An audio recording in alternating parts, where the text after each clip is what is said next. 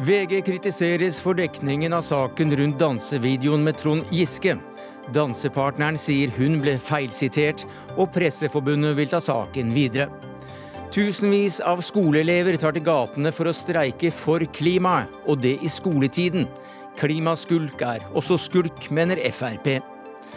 Æresdoktor ved fire universiteter. Stanford, Yale og Howard slåss om å gi ham professorater. Han er nesten ukjent i Norge. Men i dag kom biografien om historiens mest siterte norske samfunnsforsker. Høyre vil låse barn inne og ta, dyre, og ta dyre biler fra kriminelle. Feil prioritering, svarer SV. Og norsk landbrukspolitikk er proteksjonisme og egoisme på sitt verste, mener Unge Venstre. Kjør debatt.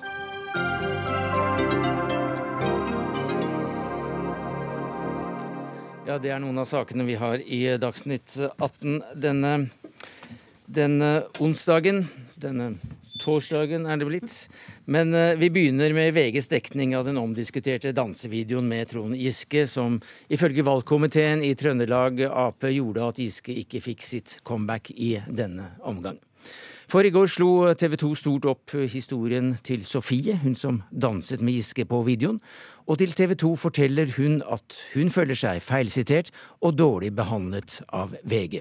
Og dermed så har vel hele denne saken da fått en ny vending. I alle fall sier VGs sjefredaktør at det har skjedd alvorlige feil, og legger seg helt flat. Aslak Eriksrud, du er politisk kommentator i TV 2 og ta oss litt igjennom hele denne saken, i hvert fall den siste utviklingen. Ja, Det starta for tre uker siden, som du sa, med at VG publiserte eh, en eh, sak med denne mye omtalte videoen. Eh, og dette berømte sitatet da, fra jenta på videoen om at dette ble litt mye.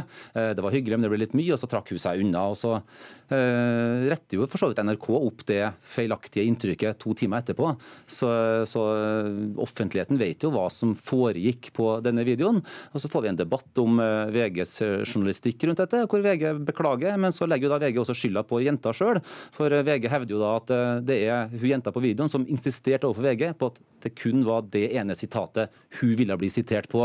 Mm. Eh, så går det noen dager, og så, og så beklager jo da VG, VG, dette. Og så kunne jo egentlig saken ha stoppa der. Men, Men, så var det jo da et par journalister da i TV 2 som satte seg ned med Sofie, mm. eh, som hun heter, jenta på, på videoen, og, og, fikk hele hennes historie om opplevelsen av sitt møte med VG, som jo er en mektig mediebedrift. Og det hun forteller, er jo en helt annen historie enn den historien som VG prøver å fortelle i sitt eh, forsvar. Hun opplever jo at eh, VGs journalist har eh, bestemt seg på forhånd for en vinkel, at det legges ord i munnen på henne, og at den historien som presenteres, er noe helt annet enn det hun ønsker å fortelle. Og når hennes historie fremstår så troverdig som den gjør, i tillegg til at hun da legger fram SMS-dokumentasjon på kontakten sin mellom seg sjøl og VG, så gjør jo det historien hennes veldig troverdig.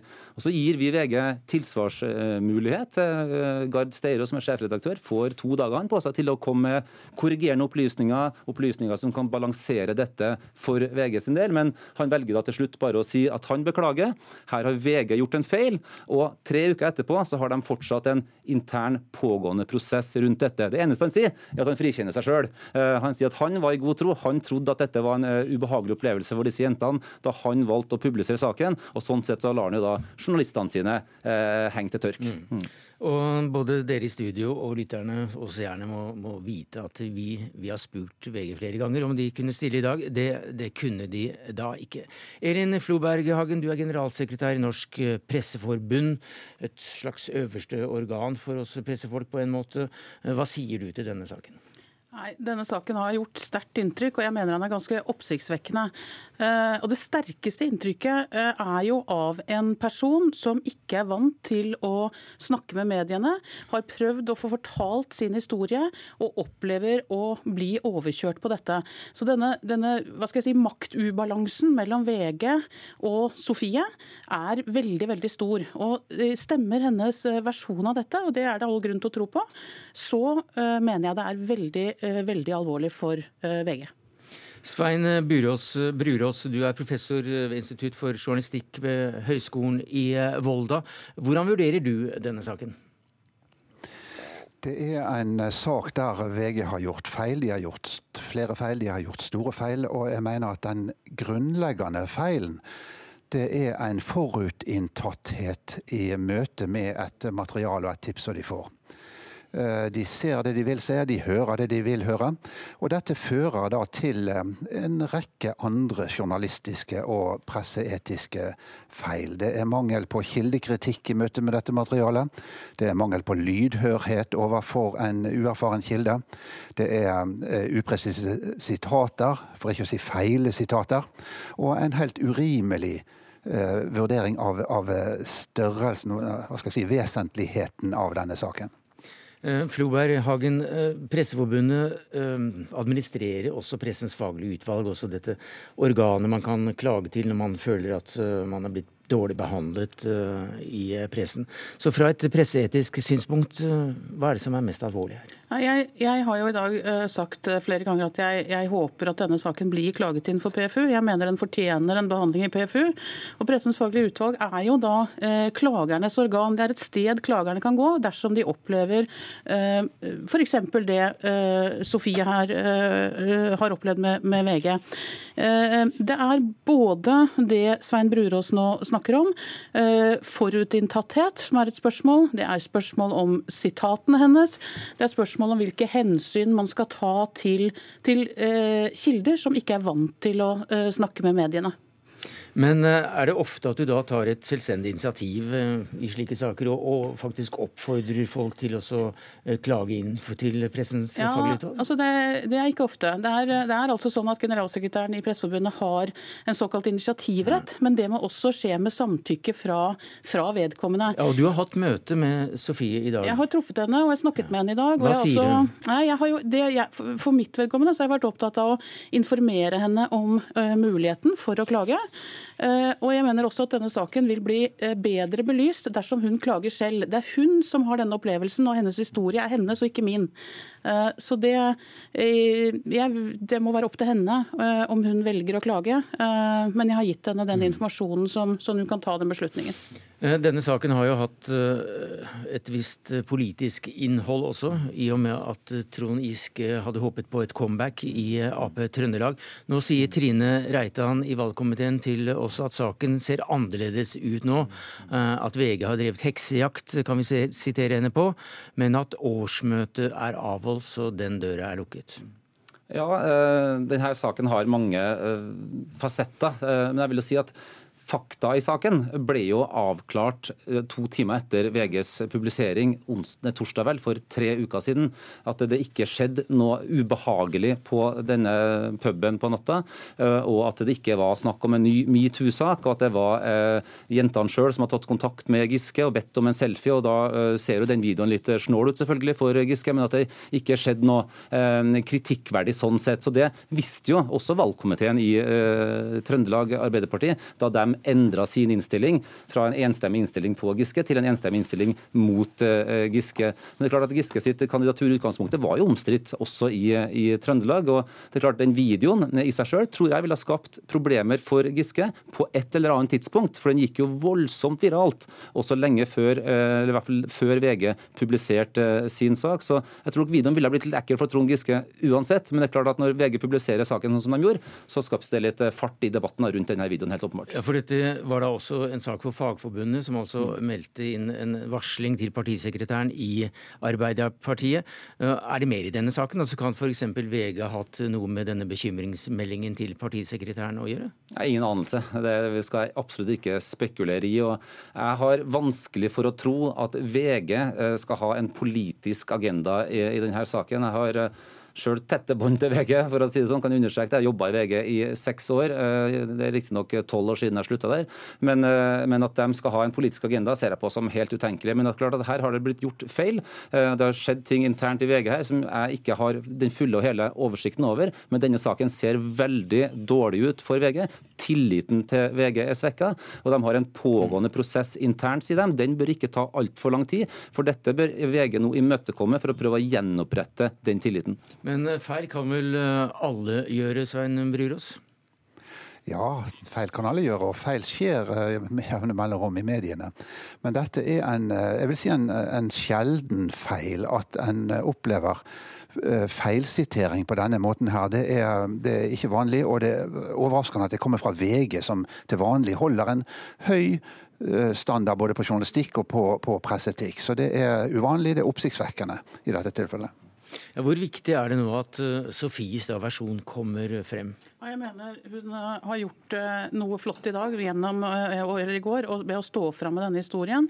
Jeg synes det er veldig bra at VG beklager så tydelig, og også at de gjør en intern gjennomgang. Og så må jeg også understreke at Vi vet ennå ikke hvorfor dette skjedde, eller hvordan det skjedde. Og vi har heller ikke hørt stemmen til journalisten her, som ville vært interessant. Hvordan er norske journalister ellers på i slike hendelser? Ja, altså, for å si det sånn, Dette er ikke en vanlig klage til PFU. Denne, det må jeg si. Virkelig ikke, og det er jeg glad for. Uh, og uh, Når det gjelder VG, så, så, ligger de på ingen måte på topp uh, i noe klagestatistikk til oss eller noe bruddstatistikk. De er veldig ofte veldig gode. Sånn at Det er liksom vanskelig å svare på det spørsmålet, egentlig. Men vi får noen klager som er knytta til, særlig som jeg bekymrer meg over, som er knytta til medieuvante personer som ikke helt er komfortable i møte med mediene. Det må vi snakke mer om. Vi skal jo være den lille mann og kvinnes forsvarer eh, og ta skalpen på makta og, og sånne ting overfor maktmisbruk osv. Eh, I denne sammenhengen så er jo rollene litt snudd på en måte. Det er jo Sofie som er den eh, si, lille kvinne i denne saken. Og, og her, sånn som den saken nå blir framstilt av hun, så er det jo hun som blir utsatt for et maktovergrep av VG. og Da er det jo helt nødvendig at det settes fokus på VGs journalistikk i dette. og Mediekritikk er jo kanskje litt vanskelig for mange av oss i, i, i media. Jeg må jo innrømme det også. Vi kjenner jo hverandre. Vi jobber jo på ulike steder. Eh, så klart at Det er jo derfor vi har organer som Pressens faglige utvalg og andre også, som på en måte kan være en sikkerhetsventil i den sammenhengen. Men det er klart, eh, jeg må jo være såpass ærlig å si at jeg syns det er litt, eh, sånn, det er litt, gjør kanskje litt mer vondt for en journalist å kunne ta andre journalister som en kanskje har et godt forhold til, godt og kollegialt forhold til. Og nettopp derfor er det faktisk tatt inn et eget punkt i Vær varsom-plakaten om at dette er også en del av pressens oppdrag, å sette et kritisk søkelys på hvordan kolleger i andre medier utfører sin jobb. Takk skal du ha, Elin Floberghagen, generalsekretær i Norsk Presseforbund, til deg, Aslak Eriksrud, politisk kommentator i TV 2, og til Svein Brurås, medieforsker ved Høgskolen i Volda. Dagsnytt 18 alle hverdager kl 18.00 på NRK P2 og NRK2.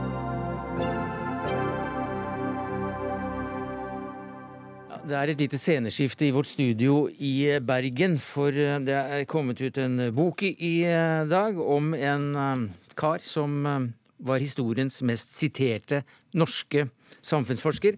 Han er æresdoktor ved fire universiteter.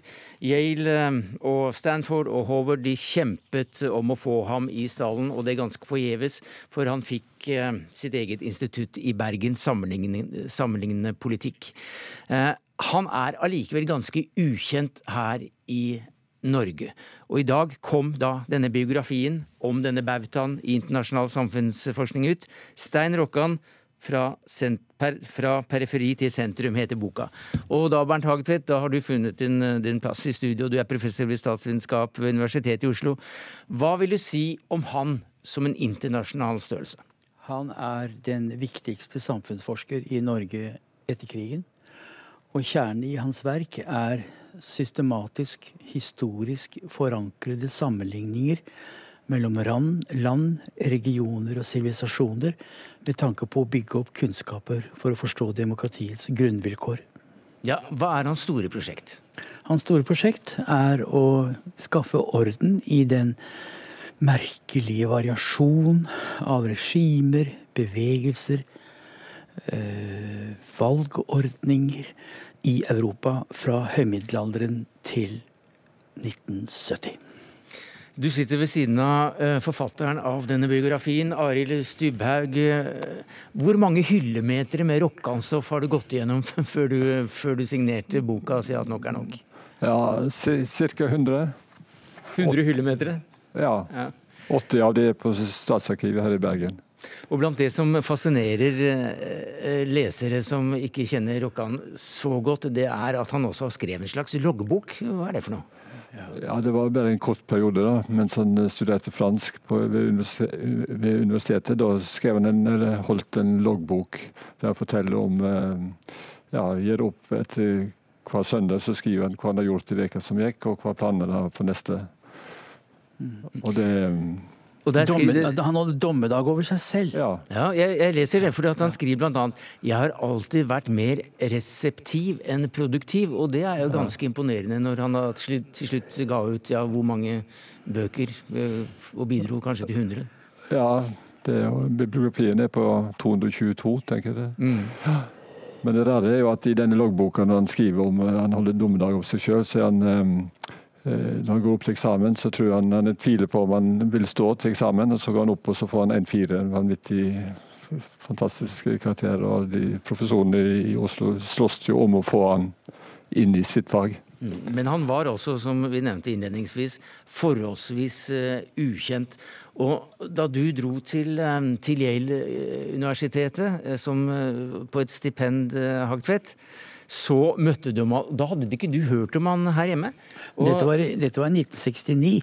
Nå er det galt å si at han er ukjent. Han har stått på pensum i lang tid, delvis takket være de oversettelsene som vi foretok. Men den gang, i 69, var han vesentlig ukjent i Norge, fordi han skrev primært for et utenlandsk publikum. og der traff du Stein Rokkan, uten å ha hørt om han eh, i Norge. Og eh, det var ikke bare du som var der. Hvem er det vi ser her? Det er mitt, mitt bilde fra 1969. Det er Stein Rokkan og Frank Aabrot i Calhoun College. Det må være i, i april 1970. Før vi flytter ut alle bøkene hans, for han ble jo truet med eksplosjoner og revolusjonære åtak. Ja, ikke fordi at det var så rotete på kontoret? Ja, det var eh, demonstrasjoner i byen. Black Panthers og Vietnam. Anti-Vietnam. Men hva gjorde han med deg som eh, hvilken, hvilken retning fikk du gjennom arbeidet med han? Ja, min retning var helt klart. Jeg fikk jo stor betydning for historisk forankrede samfunnsanalyser. Og jeg brukte masse år på å studere Weimar-republikkens fall, og ikke minst eh, mange år på å studere hvorfor Sverige ikke fikk noe SF. Han var opptatt av sammenligninger mellom de nordiske land.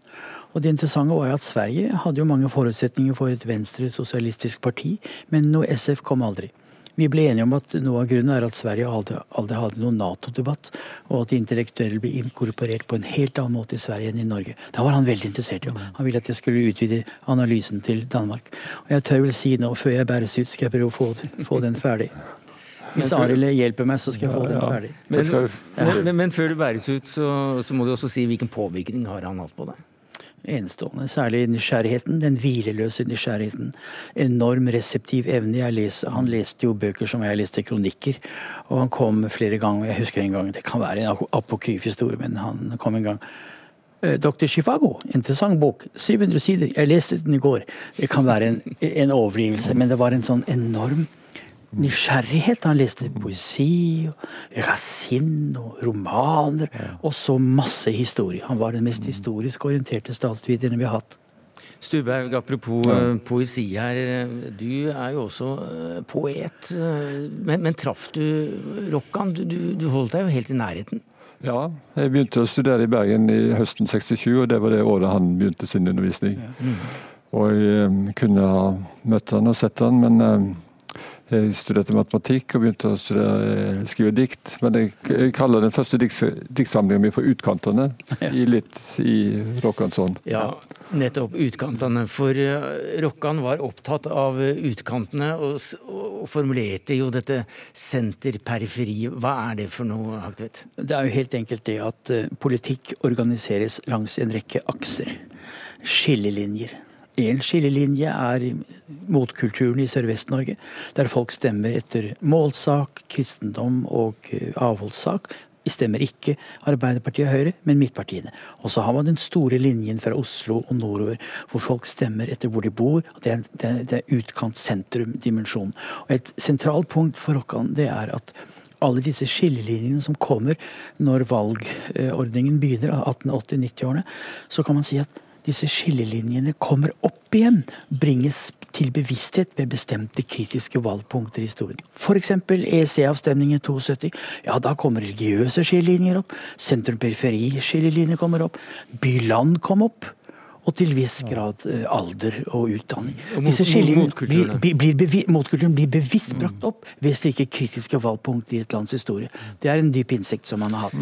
Men han var jo da en forførende eh, En forførende foreleser. eh, Jeg husker at han begynte en forelesningsrekke med å fortelle hvordan forskjellen mellom Eufratigris-elvesystemet eh, og, og, og Nilen-systemet, hvordan den linjen kunne da føres til hvorfor Polen ble katolsk. Vel, altså Det kan være at, at han var opptatt av vannets betydning for sivilisasjoner. Polen katolsk. Det må ha vært en dårlig dag. eh, Sverre Tom. Ja, det var en hel forelesningsrekke som jeg brukte mye tid Men tilbake til, til biografen her. Eh, Du prøver ikke å tegne et bilde og si hva er sannheten bak, bak dette, eh, som, dette geniet. Men eh, du drar noen linjer tilbake til faren. Ja, det gjør jeg. Og hans oppvekst i Narvik. Men jeg har jo prøvd å gjøre det på en slik måte at eh, det er opp til leseren å trekke konklusjoner. Jeg prøver ikke å manipulere fram en mening eller et visst syn. Men faren det- var, faren var NS-medlem. Ja, han var kanskje medlem et, um, et år, men han arbeidet for tyskerne. Okkupasjonsmakta. Og han eh, roste den tyske oppførselen i Narvik. Og det er litt spesielt når jeg tenker på de krigshendingene som foregikk der oppe. Og Sønnen var må man kunne si, sterkt skeptisk til faren. Det er vel riktig å si? Ari? Ja da, han hadde et dårlig forhold til faren. Det sa han lenge før krigen kom. Og en av de tingene som kanskje man kan bite seg merke i akkurat i dag, det, det er at han tok mye taxi. Ja, Ja, Han kjørte jo ikke bil selv. Det var kona Elisabeth som ofte kjørte ham. Jeg har aldri hørt at han kjørte taxi, men det er helt riktig at han ikke kjørte selv. Ja. Jo da, Det sies at alle drosjesjåfører i Bergen eh, visste godt hva Sunnmørsvei var, for de kjørte han fra Flesland og hjem når han var ute på sine Han var en sportsmann, Arild, det kan man si. Ja da. Ja. Men han gikk også tidlig bort, ble bare noen og 50 år.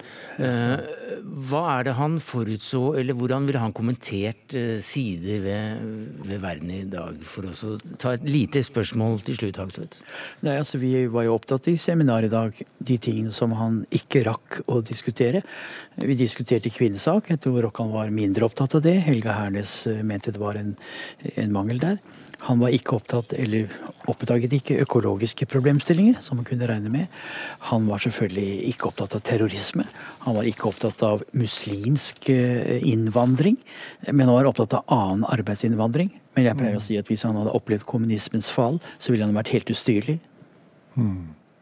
Takk skal Ja, ja. eh, Ja, der må vi runde av, uh, Arild Stybhaug. Takk for at du- kom til studio i eh, Bergen, og til deg, Bernt uh, Hagtvedt.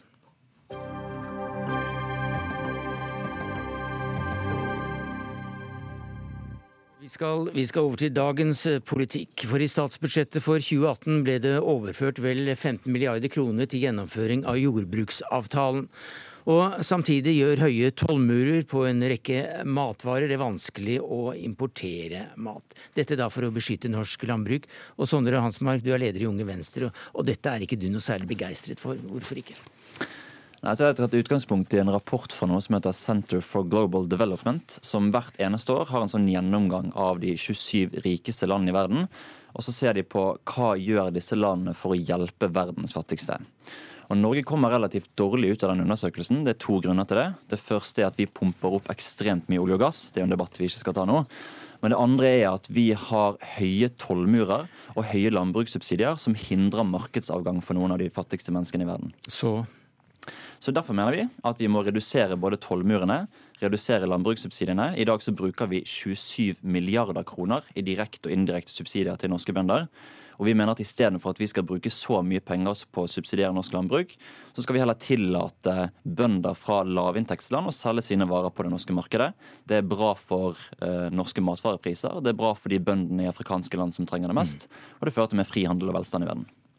Er du mot mer frihandel og velstand i verden, Geir Pollestad, leder i næringskomiteen på Stortinget for Senterpartiet? Jeg er veldig for at vi skal ha et uh, norsk landbruk, at vi skal ha norsk matproduksjon. Uh, og det er jo sånn allerede i dag at de fattigste landene har tollfrihet til Norge. Uh, importen av mat har jo dessverre firedobla seg siden tusenårsskiftet inn til Norge.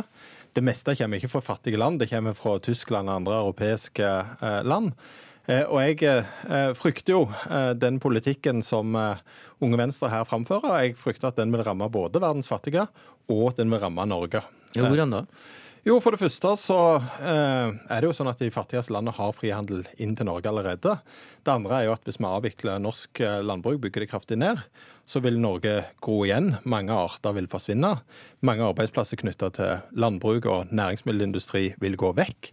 Og eh, hvis en tenker seg at en skal erstatte eh, biff produsert i Norge med biff importert fra Argentina, ja, da snakker vi om biff som er produsert med fire ganger så høye klimagassutslipp som biffen i Norge. Det er veldig fint at vi har avgiftsfritak for de såkalt minst utviklede landene. Men de landene står bare for 1,5% av matimporten i Norge. Og mange av de landene har ikke den infrastrukturen som trengs til å eksportere matvarer til det norske markedet. Så det er veldig mange land som blir utelatt her, da, og man hindrer markedsavgang for veldig mange land som trenger at vi kjøper matvaren deres, at de kan eksportere mer og tjene mer penger på det. Og så syns jeg det er veldig rart at hver gang det kommer til landbruksdebatten, så skyver eh, Senterpartiet bonden foran seg når det kommer til klimaspørsmål.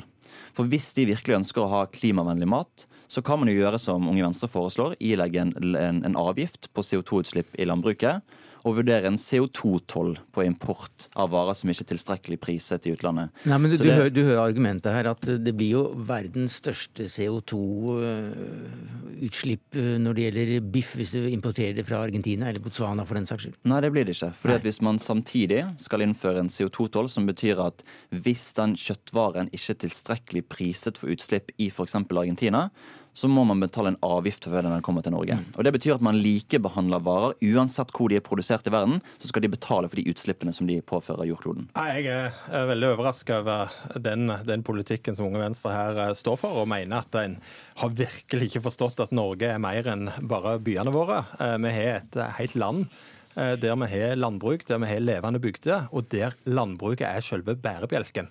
Alt det er dere villige til å ofre, og konsekvensene for verdens fattige er eh, bestridt. Fordi at som, som jeg tror vi er enige om, de fattigste landene har eh, tollfrihet inn til Norge. Eh, og det er jo ikke sånn at det er en haug med mat i Afrika, og at vi ikke har mat her.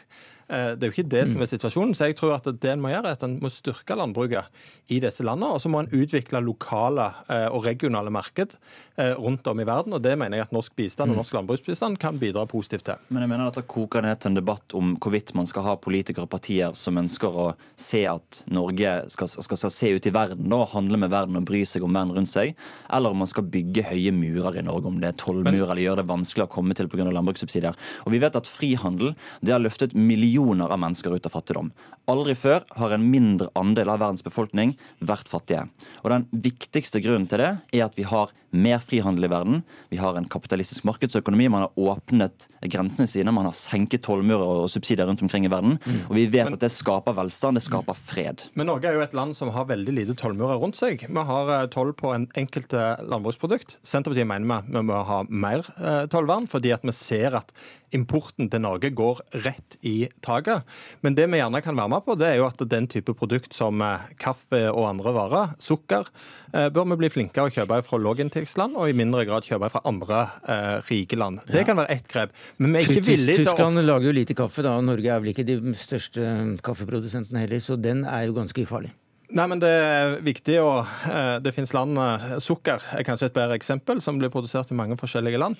Men det som er helt uaktuelt for eh, Senterpartiet, det er å ofre norsk landbruk og ofre mm. norske bygder. For sukker er vel heller ikke noe stor industri i Norge? Nei men, nei, men det er et produkt som vi uansett importerer. Men det som er hovedproblemet, er jo at importen nå av Eh, kjøtt- og meieriprodukt skyter i været. Mm. Eh, og det må være en utvikling som vi stopper, sånn at vi kan fortsette å bygge opp norsk landbruk. For det er en mm. rett og en plikt som hvert land har til å produsere sin egen mat, og det bør en bygge.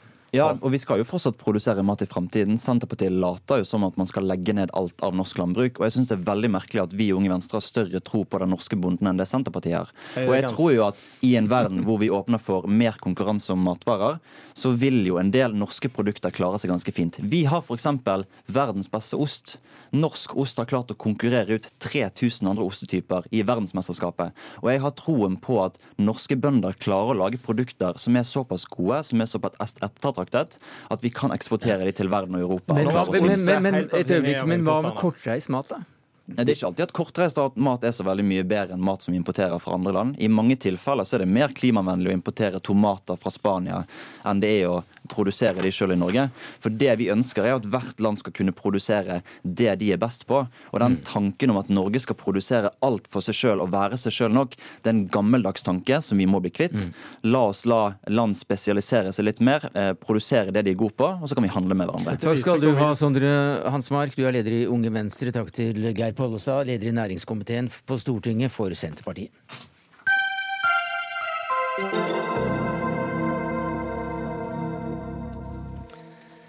Tusenvis av skoleelever har streiket for klima i flere norske byer i flere uker. Det har vært demonstrasjoner i 120 land, og i morgen skal mange ta til gatene også her hjemme. I Oslo så er det ventet rekordoppslutning. Og de krever da at politikere må gjøre noe for å begrense den globale oppvarmingen. Og du er en av dem som skal streike i morgen, Even Jacobsen. Du er skoleelev og medlem av Grønn Ungdom. Hvorfor vil du streike? Jeg vil streike fordi jeg vil vise politikerne at vi faktisk bryr oss, og at eh, de gjør altfor lite for å stoppe klimaendringene. Ja, hva er det de skal gjøre? Eh, jeg vil at de skal kutte oljen. eh, Og gjøre sånn at vi slipper ut mindre, rett og slett. Mm. Nå har du fulgt med på politiske debatter en stund, også, en stund, også som, som, medlem av Grønn Ungdom. Stoler du på politikere? Nei. Jeg, det gjør jeg ikke, fordi at uh, de sier at de skal kutte med, mye, men det gjør de ikke. De har nesten ikke kutta noe som helst. Roy Steffensen, du er leder for utdannings- og forskningskomiteen for Frp i Stortinget. Her hører du at det er en ungdom som ikke stoler på politikere generelt? Ja, det syns jeg er, er, veldig synd. Eh, fordi vi tar ansvar i, i klimapolitikken òg. Eh, så er det sånn at De to siste årene så har faktisk klimautslippene i Norge gått ned. Eh, innenfor eh, olje- og gassindustrien så er det gått ned med 2% fra 2017 til 2016. Og innenfor transportsektoren så er det gått ned med, med 9,5% fra, altså fra 2016 til 2017. Men, men det høres jo flott ut. Ja, er det én ting denne regjeringa ikke har, så er det god klimapolitikk. Nesten alle andre land i Europa har lavere utslipp enn de hadde i 1990, men Norge har høyere utslipp norsk klimapolitikk går i sneglefart. Ja, med, eh, klima, klimaspørsmålet Det er ikke noe å le av det? Nei, jeg, jeg, klimaspørsmålet er, er, internasjonalt. Det må løses internasjonalt gjennom internasjonale avtaler. Eh, norsk olje og gass eh, det har en stor betydning for å redusere utslippene i Europa. Vi vet at eh, norsk olje og gass eh, står for 21% av energiforsyningen eh, til Europa.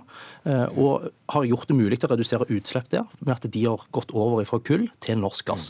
Jeg tror vi skal la akkurat den delen ligge. For jeg vil gjerne inn på et annet og tilstøtende tema, nemlig at disse ungdommene som da går i tog, de gjør jo det i skoletiden. Og Frp har markert seg som et parti som, som klart sier at klimaskulk er jo også skulk. Ja, jeg brukte, brukte, betydningen eh, klimaskulk. og Det er fordi jeg mener at det er, de skulker fordi at de engasjerer seg i klimasaken. Eh, og så blir det argumentert for at de bør få eh, ført eh, lovlig fravær for å delta på dette, fordi at dette samfunnsengasjementet er så viktig. Men eh, det er mange forskjellige typer samfunnsengasjement. Det kan være de homofiles rettigheter, det kan være bistand, det kan være flyktningpolitikk, det kan være nei til atomvåpen. Og jeg er ganske sikker på at det, de som sier at uh, denne saken er så viktig at de må få lovlig fravær, de vil òg være enige i at de sakene jeg nettopp nevnte, òg er så viktige at de må få lovlig fravær. Og, og da har, og da har at de kan få fravær for, for uh, nesten alt som mm. kan defineres som samfunnsengasjement. Hva sier du til det, Lars Haltbrekken, miljøpolitisk talsperson i SV? Nei, Jeg syns at uh, elevene godt skulle ha muligheten til å søke om uh, fravær og få gyldig politisk uh, fravær. Det syns jeg man burde ha innført. Og hvis elevene viser stort samfunnsengasjement også på andre områder, så syns jeg man skulle ha gitt den muligheten der også. Men dette er egentlig en underordna del av hele diskusjonen om eh, klimastreiken i morgen. Jo, jo, men, men, men oss- først, la, la oss først ta akkurat dette med skoledagen og, og dette, med, dette med skulk. Eh, Hvorfor skal eh, det miljøpolitiske engasjementet da krysse foran f.eks. For engasjement for homofiles rettigheter? Nei, men Det trenger ikke å krysse foran, for jeg mener at hvis noen arrangerer en eh, skolestreik for homofiles rettigheter, så skal det også være mulig å søke om gyldig politisk fravær for det. Eh, her snakker vi om et samfunnsengasjement som er av avgjørende betydning. Jeg skjønner veldig godt når Even sitter og sier at uh, dere ikke uh, stoler på politikerne. Vi har sett gjennom 30 år i Norge at politikere gang på gang har brutt de klimaløftene som man har kommet med. Da kommer vi fort opp i en situasjon hvor, eh, hvor eh, ungdommen, hvis de får eh, lovlig fravær for å streike i morgen, så kan de komme tilbake og si at eh, nå, nå er det definert som lovlig, eh, lovlig fravær, men vi ser at politikerne har ikke tatt det på alvor, derfor må vi streike mer. Ergo får de mer lovlig fravær. Og Da kan vi komme i den situasjonen som var i Sverige med hun, eh, eh, Greta, som, som streika hver eneste dag i valgkampen. Hva med, hvis vi får den situasjonen nå i høst, eh, hvor lokalvalgkampen blir prega av at eh, elever velger å streike hver eneste dag, og så skal det måtte defineres som lovlig fravær? Jacobsen, du ba om ordet. Eh, Det generasjonsopprøret vi ser nå, det er vi unge som har tatt initiativ til. Det handler ikke om oljeboring eller innvandring. Det handler om mindre oljeboring og klimahandling. Og jeg synes Roy Steffensen skal ta stilling til dette generasjonsopprøret, og ikke hypotetiske generasjonsopprør som ingen unge har tatt initiativ til. Eh, Når det kommer, når det kommer til olje- og gassproduksjonen, så, så har vi altså verdens strengeste regelverk. Eh, Bare for å ta et eksempel. altså Hvis eh, alle land vest i Afrika hadde benytta seg av Norges regelverk for fakling, så, så hadde altså de totale utslippene blitt eh, redusert med mer enn Norges totale utslipp. Bare, bare, ja, altså Den gassen som kommer på, på uh, oljeinstallasjoner når de, uh, når de brenner gass, der har vi verdens strengeste regelverk.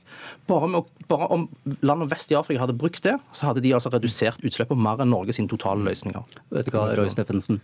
Du kan sitte og snakke om at den norske oljen er mye renere enn all verdens olje. Det er samme argumentet som vi hørte for kulldrift på Svalbard. Det norske kullet var så mye renere. Det vi vet, er at verden har funnet altfor mye fossil energi. Vi har funnet for mye kull, olje og gass til at vi kan svi det av. Norge er en stor produsent. Vi er nødt til å ta et ansvar. Vi er helt enig med det ungdommene sier foran Stortinget og rundt omkring i hele landet i, Norge, i, i landet i morgen, om at Norge har et soleklart ansvar. Og så er du redd for at det skal gå inflasjon eh, i denne klimastreiken, og at høsten blir eh, dominert av, av klimastreikende ungdommer. Hvis det skjer, så er det et kjempealvorlig signal til regjeringa om at regjeringa overhodet ikke tar barns framtid på alvor. Og dere kan gjøre én ting dere, for å få avlyst disse klimastreikene. Det er å gjennomføre en klimapolitikk som kutter utslippene, og som ikke baserer seg på import av palmeolje og regnskogsødeleggelse, som dere nå har gjort i flere år. Men som jeg innleda med, så fører vi en politikk som fører til kutt i utslipp. Altså, På grunn av regnskogsødeleggelse. De utslippene i Norge gikk altså ned, har gått ned to år på rad. Eh, oljeutslippet har gått ned, og transportutslippet har gått ned. Kan du ikke gi Og- han det, da? Nei, men grunnen, Hovedgrunnen til at de norske utslippene har gått ned de to siste årene, er at vi har hatt rekordstor import av palmeolje, som er Det- basert på regnskogsødeleggelse, og som gir økte klimagassutslipp. det er ikke noe å skryte av. Det er jo å skjemmes over. Det beste, beste eh, rådet jeg kan gi til elevene som engasjerer seg i klima, klimadebatten, det er å møte opp på skolen, ta valgfag som f.eks. realfag. eh, Bli ingeniør. Sørg for at, eh, at du er med å utvikle de nye teknologiene. Skal sørge for at vi får produkter og tjenester billigere og bedre til lavere utslipp. Så vil du redde kloden, så bli på skolen. Eh, Hvis Roy Steffensen mener at vi ikke skal eh, skulke for klima, så må han legge fram en konkret plan for hvordan regjeringa skal halvere utslippene sine innen elleve år. Eh, Vis meg den planen, så skal jeg komme meg tilbake til skolebenken. Du kan avlyse Ja. skolestreiken. Dette. vi, vi må få et svar her. Nei, men Jeg kan vise til hvordan vi kommer til å halvere utslippene bare på transportsektoren. For det er altså Allerede i dag eh, I dag så er gjennomsnittsbilen som kjører på norske veier, det er en 2008-modell. De har, hadde 158 gram CO2-utslipp per kilometer eh, de kjører. Eh, om ti år så vil altså eh, gjennomsnittsbilen være en 2019-modell som har 65 gram CO2 eh, per, per kilometer de kjører. Der har vi altså allerede mer enn halvert utslippet fra transportsektoren fordi at det er ny teknologi, og fordi at vi har satt i gang et avgiftssystem som sørger for at du stimulerer folk til å kjøpe mer miljøvennlige biler. Men um, Steffensen, gjør det inntrykk på deg at uh, tusenvis, kanskje titusenvis av skoleelever går og streiker for en endret klimapolitikk? Ja, det gjør, det gjør, inntrykk eh, med at jeg blir glad for at eh, ungdom engasjerer seg eh, i alle typer, alle typer spørsmål som, som, angår samfunnet. Som jeg nevnte, det er mange forskjellige ting de kunne, og ikke nødvendigvis fordi det har noe med miljø å gjøre? Nei, men, men jeg syns det er positivt at ungdom engasjerer seg, og jeg skulle ønske at de gjør det mye mer. Med f.eks. å melde seg inn i politiske partier og være med å påvirke demokratiske eh, prosesser. Eh, endre partiprogrammene, eh, delta med valg. Vi vet at ungdom er de som, de som er dårligst til å møte opp med valg. Der har de muligheten til å engasjere seg. Så jeg håper de tar det engasjementet med seg videre inn til valglokalene og delta der. Og så håper jeg at den type aksjoner som skal være i morgen, at det heller kan legges til etter skoletid eller i helgene. Eh, Even eh, Jacobsen, ungdom kan vel også selv gjøre noe for å bedre klimaet? Dere har jo ganske høyt forbruk og ja. Ja, selvfølgelig kan hver og en kutte en del utslipp selv, men eh, det, det, hjelper ikke nok for å stoppe klimaendringene. Det må politiske tiltak til. Og politiske tiltak det er da altså det dere etterlyser når dere nå går ut og streiker, om det er skulk eller ikke. På din skole, Det er opp til skolene dette her. På din skole så får du gyldig fravær. Ja. ja. Takk for at du kom til studio, eh, Even Jacobsen, skoleelev og medlem av Grønn Ungdom. Takk til deg, Lars Halperekken, og til deg, Roy Steffensen. Hør Dagsnytt 18 når du vil. Radio NRK Radio.nrk.no.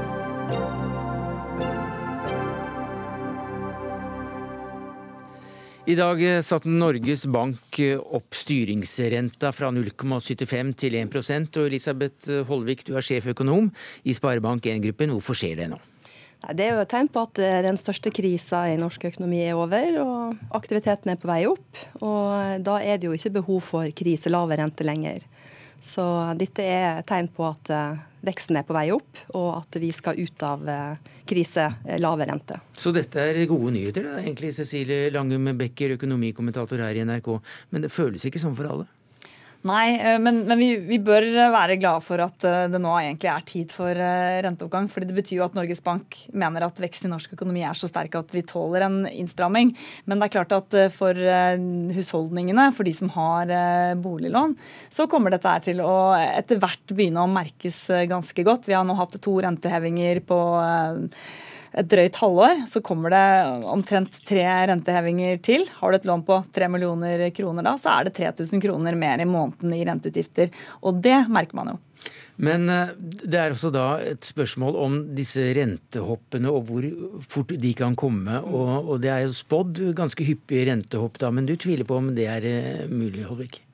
Ja, I går så kom jo sentralbanken i USA med en ny prognose. og De eh, tok jo bort tre rentehevinger som de varsla i fjor høst. Eh, det tok de bort nå. Så vi ser det at rundt om i nabolandene våre og i USA, så er renteforventningene, altså hvor mange rentehopp en rente der, kraftig nedjustert. Og Det vil jo være rart om vi om noen år skal ha mye høyere rente enn alle andre land rundt oss, når vi skal inn i en fase i norsk økonomi der vi blir mer lik andre land. Oljeaktiviteten og alle de ekstra pengene vi har kunnet tatt ut av oljefondet, den perioden er på hell. Samtidig som vi nå skal inn i eldrebølgen. Og vi har også sett at fødselsraten har falt kraftig. Det er et tegn på at du får ikke noe drakraft i økonomien av rask befolkningsvekst. Eh, gjelda er allerede høy, så du kan ikke få noe særlig stimulering av at folk skal ta opp enda mer gjeld. Tvert imot så kommer nok en del til å måtte tenke seg om eh, hvor mye mer gjeld en skal tåle å ta opp. På toppen av økte utgifter til strøm og eh, andre utgifter som vi vet kommer som følge av den eldrebølgen vi skal inn i. Med denne rentehevingen så havner Norge i en særstilling, eh, sier du, Lisa eh, Cecilie Langum Becker. Hvordan da? Vi ser jo nå at det er veldig stor forskjell på um, norsk økonomi og hvordan det går ute i Europa. I norsk økonomi så er veksten foreløpig sterk, og så er den veldig svak i Europa. Og vi ser jo Norges Bank i dag, de, de er jo også bekymret for hvert fall, Det er spesielt to ting. Det ene er en hard brexit, altså at Storbritannia går ut av EU uten en avtale. Og så er de litt bekymret, eller de er veldig bekymret for om en opptrapping av denne handelskrigen mellom USA og Kina. Mm. Men det var ikke nok på en måte til at de holdt igjen i dag. Og det er kanskje litt av hva skal jeg si, kritikk eller det økonomene kanskje peker litt på i dag, at har de tatt litt for mye i? Har de, hvorfor, har de, hvorfor, har de, ikke tatt nok hensyn til hvordan det, det er ute? Mm. Altså Det de gjør, er at de framskynder rentehevingen. Og så sier de at eh, da vi i forrige gang peila oss inn på en boliglånsrente rundt 4% om et par år, nå peiler vi oss inn på 3,75. Så de skal ende litt lavere med rentene litt lenger fram i tid, men de har mer hast med å komme i gang. Og Det tror jeg er et signal til eh, de som er, lurer på hvor mye gjeld kan vi tåle, hvor kommer disse rentehevingene, så ønsker Norges Bank også å si at eh, vi har et inflasjonsmål, det er bra vekst i økonomien, vi trenger ikke kriselave rente, vi må få normalisert rentene. Men eh, til eksportsektoren og til eh, valutamarkedet, så vi skal ikke så veldig høyt på rentene som vi før trodde, når vi kommer noen år fram i mm. tid. For da skal vi omstille norsk økonomi, vi må skape nye arbeidsplasser.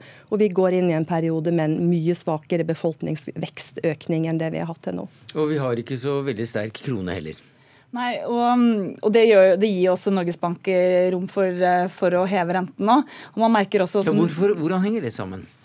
Eh, fordi, fordi kronen nå er svak. Altså, for eksportindustrien så er det jo viktig med en eh, svak krone. Og Hvis man eh, da hever renten, så vil jo da kronen naturlig styrke seg litt. Vi så at den styrker seg litt i dag, mest på, på at renteoppgangen blir litt fremskyndet. Mm. Men vi legger også merke til i dag at det har ikke vært noen sånne store protester fra industrien i dag. De er ganske godt fornøyd med de signalene som Norges Bank sender i dag. Hvis de hadde vært veldig misfornøyd, så hadde de nok også kanskje sagt fra. Eh, fordi Norges Bank legger jo mange forbehold her. De sier jo at eh, at de kommer til å vurdere situasjonen spesielt ute hele veien, også frem da mot eh, neste rentemøte i juni. Så de, Industrien virker ganske betrygget av at Norges Bank nå tar dette gradvis, og, og at de også gir et slags rom for at man kan da også, også droppe en renteheving hvis det blir veldig store omveltninger ute. Man skal huske at eh, altså, Valutamarkedet er jo et marked der folk veksler og kjøper og selger kroner.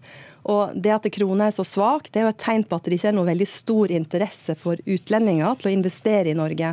Og Det er jo litt av den svakheten som jeg har vært veldig bekymra for. At eh, vi kan ikke lene oss på utelukkende og, og at svak kronekurs skal hjelpe til omstilling av norsk økonomi.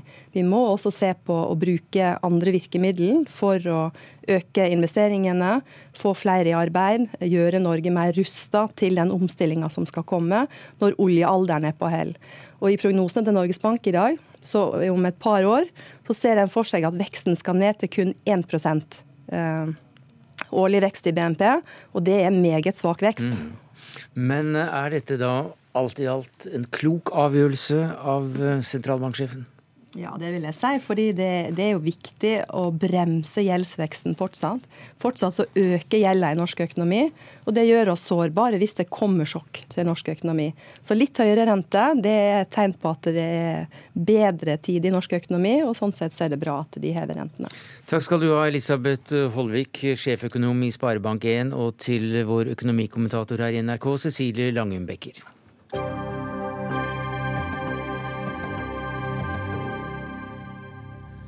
Høyre vil låse barn inne og ta fra kjeltringer dyre biler. Det er eh, da et av vedtakene som blir gjort på partiets landsmøte i helgen. Og hva vil dere med dette, Petter Frølich? Du er stortingsrepresentant og Høyres justispolitiske talsmann. Vi har, sett, Talsperson, vi har jo eh, sett gjengproblemet i Oslo eh, dessverre vokse seg ut av proporsjoner. Det er blitt et stort problem, eh, både for lokalsamfunnet, men også etter hvert begynner dette å spre seg til, til andre byer. Da kreves det handling. Eh, og vi er nødt til å sette inn tiltak for å hindre det vi ser. Vi er spesielt opptatt av at barn og unge ikke skal oppleve utrygghet. At barn og unge ikke skal bli rekruttert inn i en kriminell løpebane. Og da må gjengene tas, og spesielt bakmennene tas. Men hva da med det å ta fra kriminelle f.eks. av dyre biler? Ja. Vi har jo sett spesielt at bakmenn og fremstående gjengmedlemmer de smykker seg med dyre biler, eh, dyre hus, de har gjerne dyre klær og har en veldig prangende livsstil. Og det appellerer til liksom, barn og unge som ønsker seg inn i gjengmiljøene. Vi er nødt til å gjøre det tindrende klart at det å tjene penger på kriminalitet, det skal være ekstremt vanskelig. Og sitter du på biler eller hus som, er, som stammer fra kriminell aktivitet, ja, så kommer staten og tar det fra deg. Eh, I dag har vi et system som ikke fungerer godt nok på dette punktet.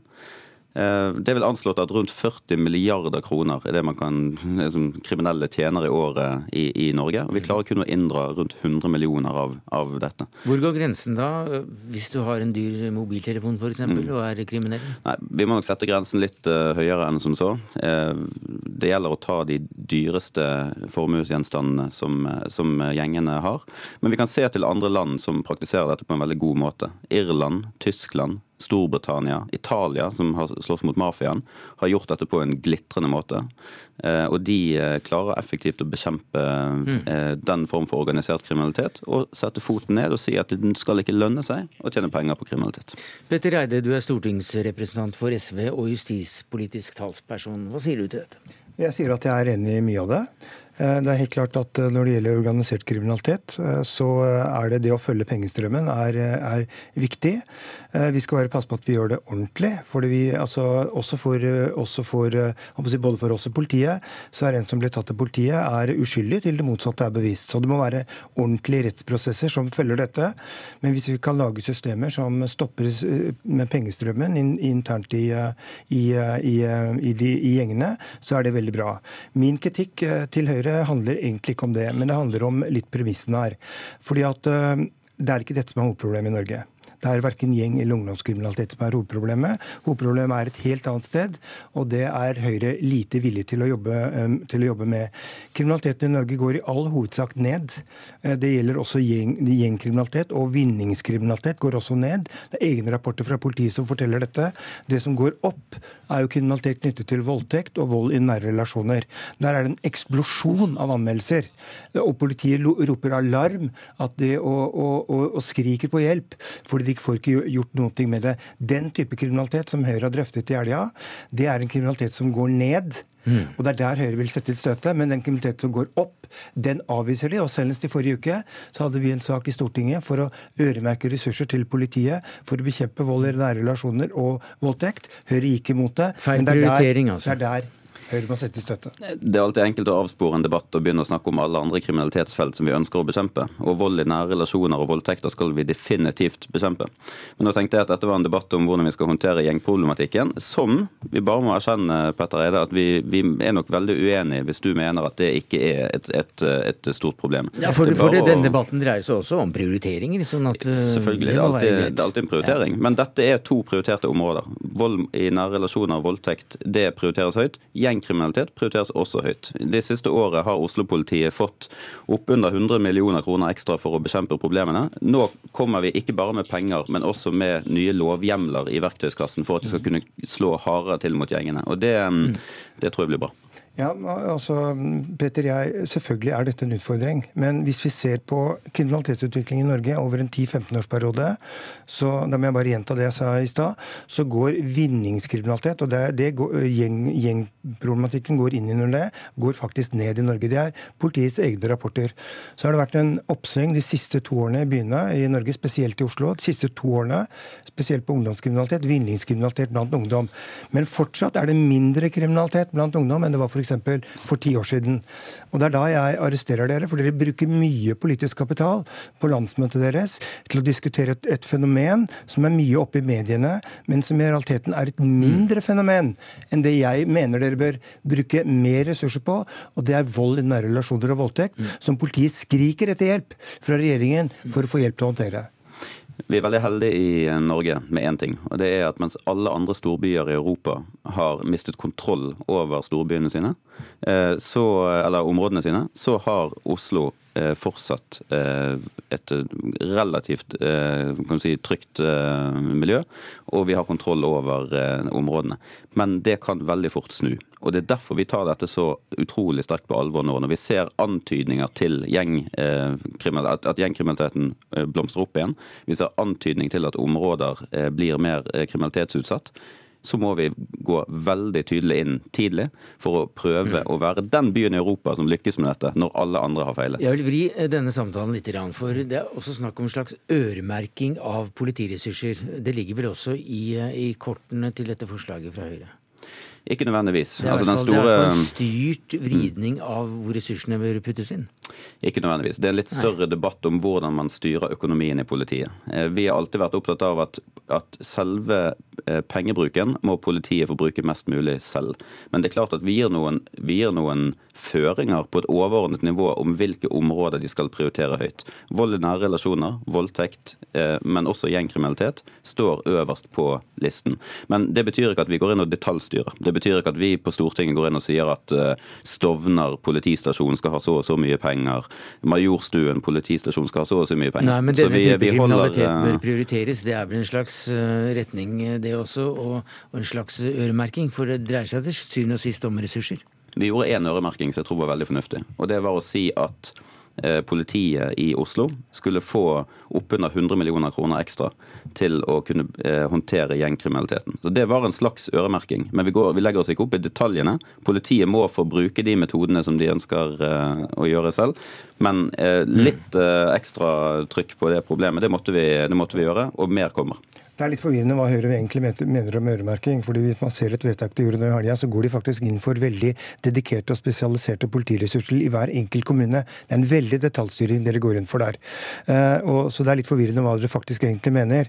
Jeg mener at Stortinget skal detaljstyre politiet når man ser et stort kriminalpolitisk problem som politiet selv ikke greier å løse, og politiet ber om hjelp. Ja, da skal vi som ansvarlige politikere gå inn og sette av ressurser så de får løst dette problemet. Og det største problemet vi har i dag, uansett hvordan vi snur og vender på det, som politiet rapporterer selv, handler faktisk om vold i nære relasjoner, overgrep mot barn og voldtekt.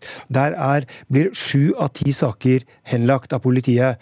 I noen politidistrikt så er det, så er det åtte av ti kvinner får et standard brev tilbake om at saken deres er anmeldt, etter at det har gått til det veldig modige skritt å anmelde kanskje en ektemann for overgrep i interne familien. Jeg vil at Høyre skal sette inn ressurser der.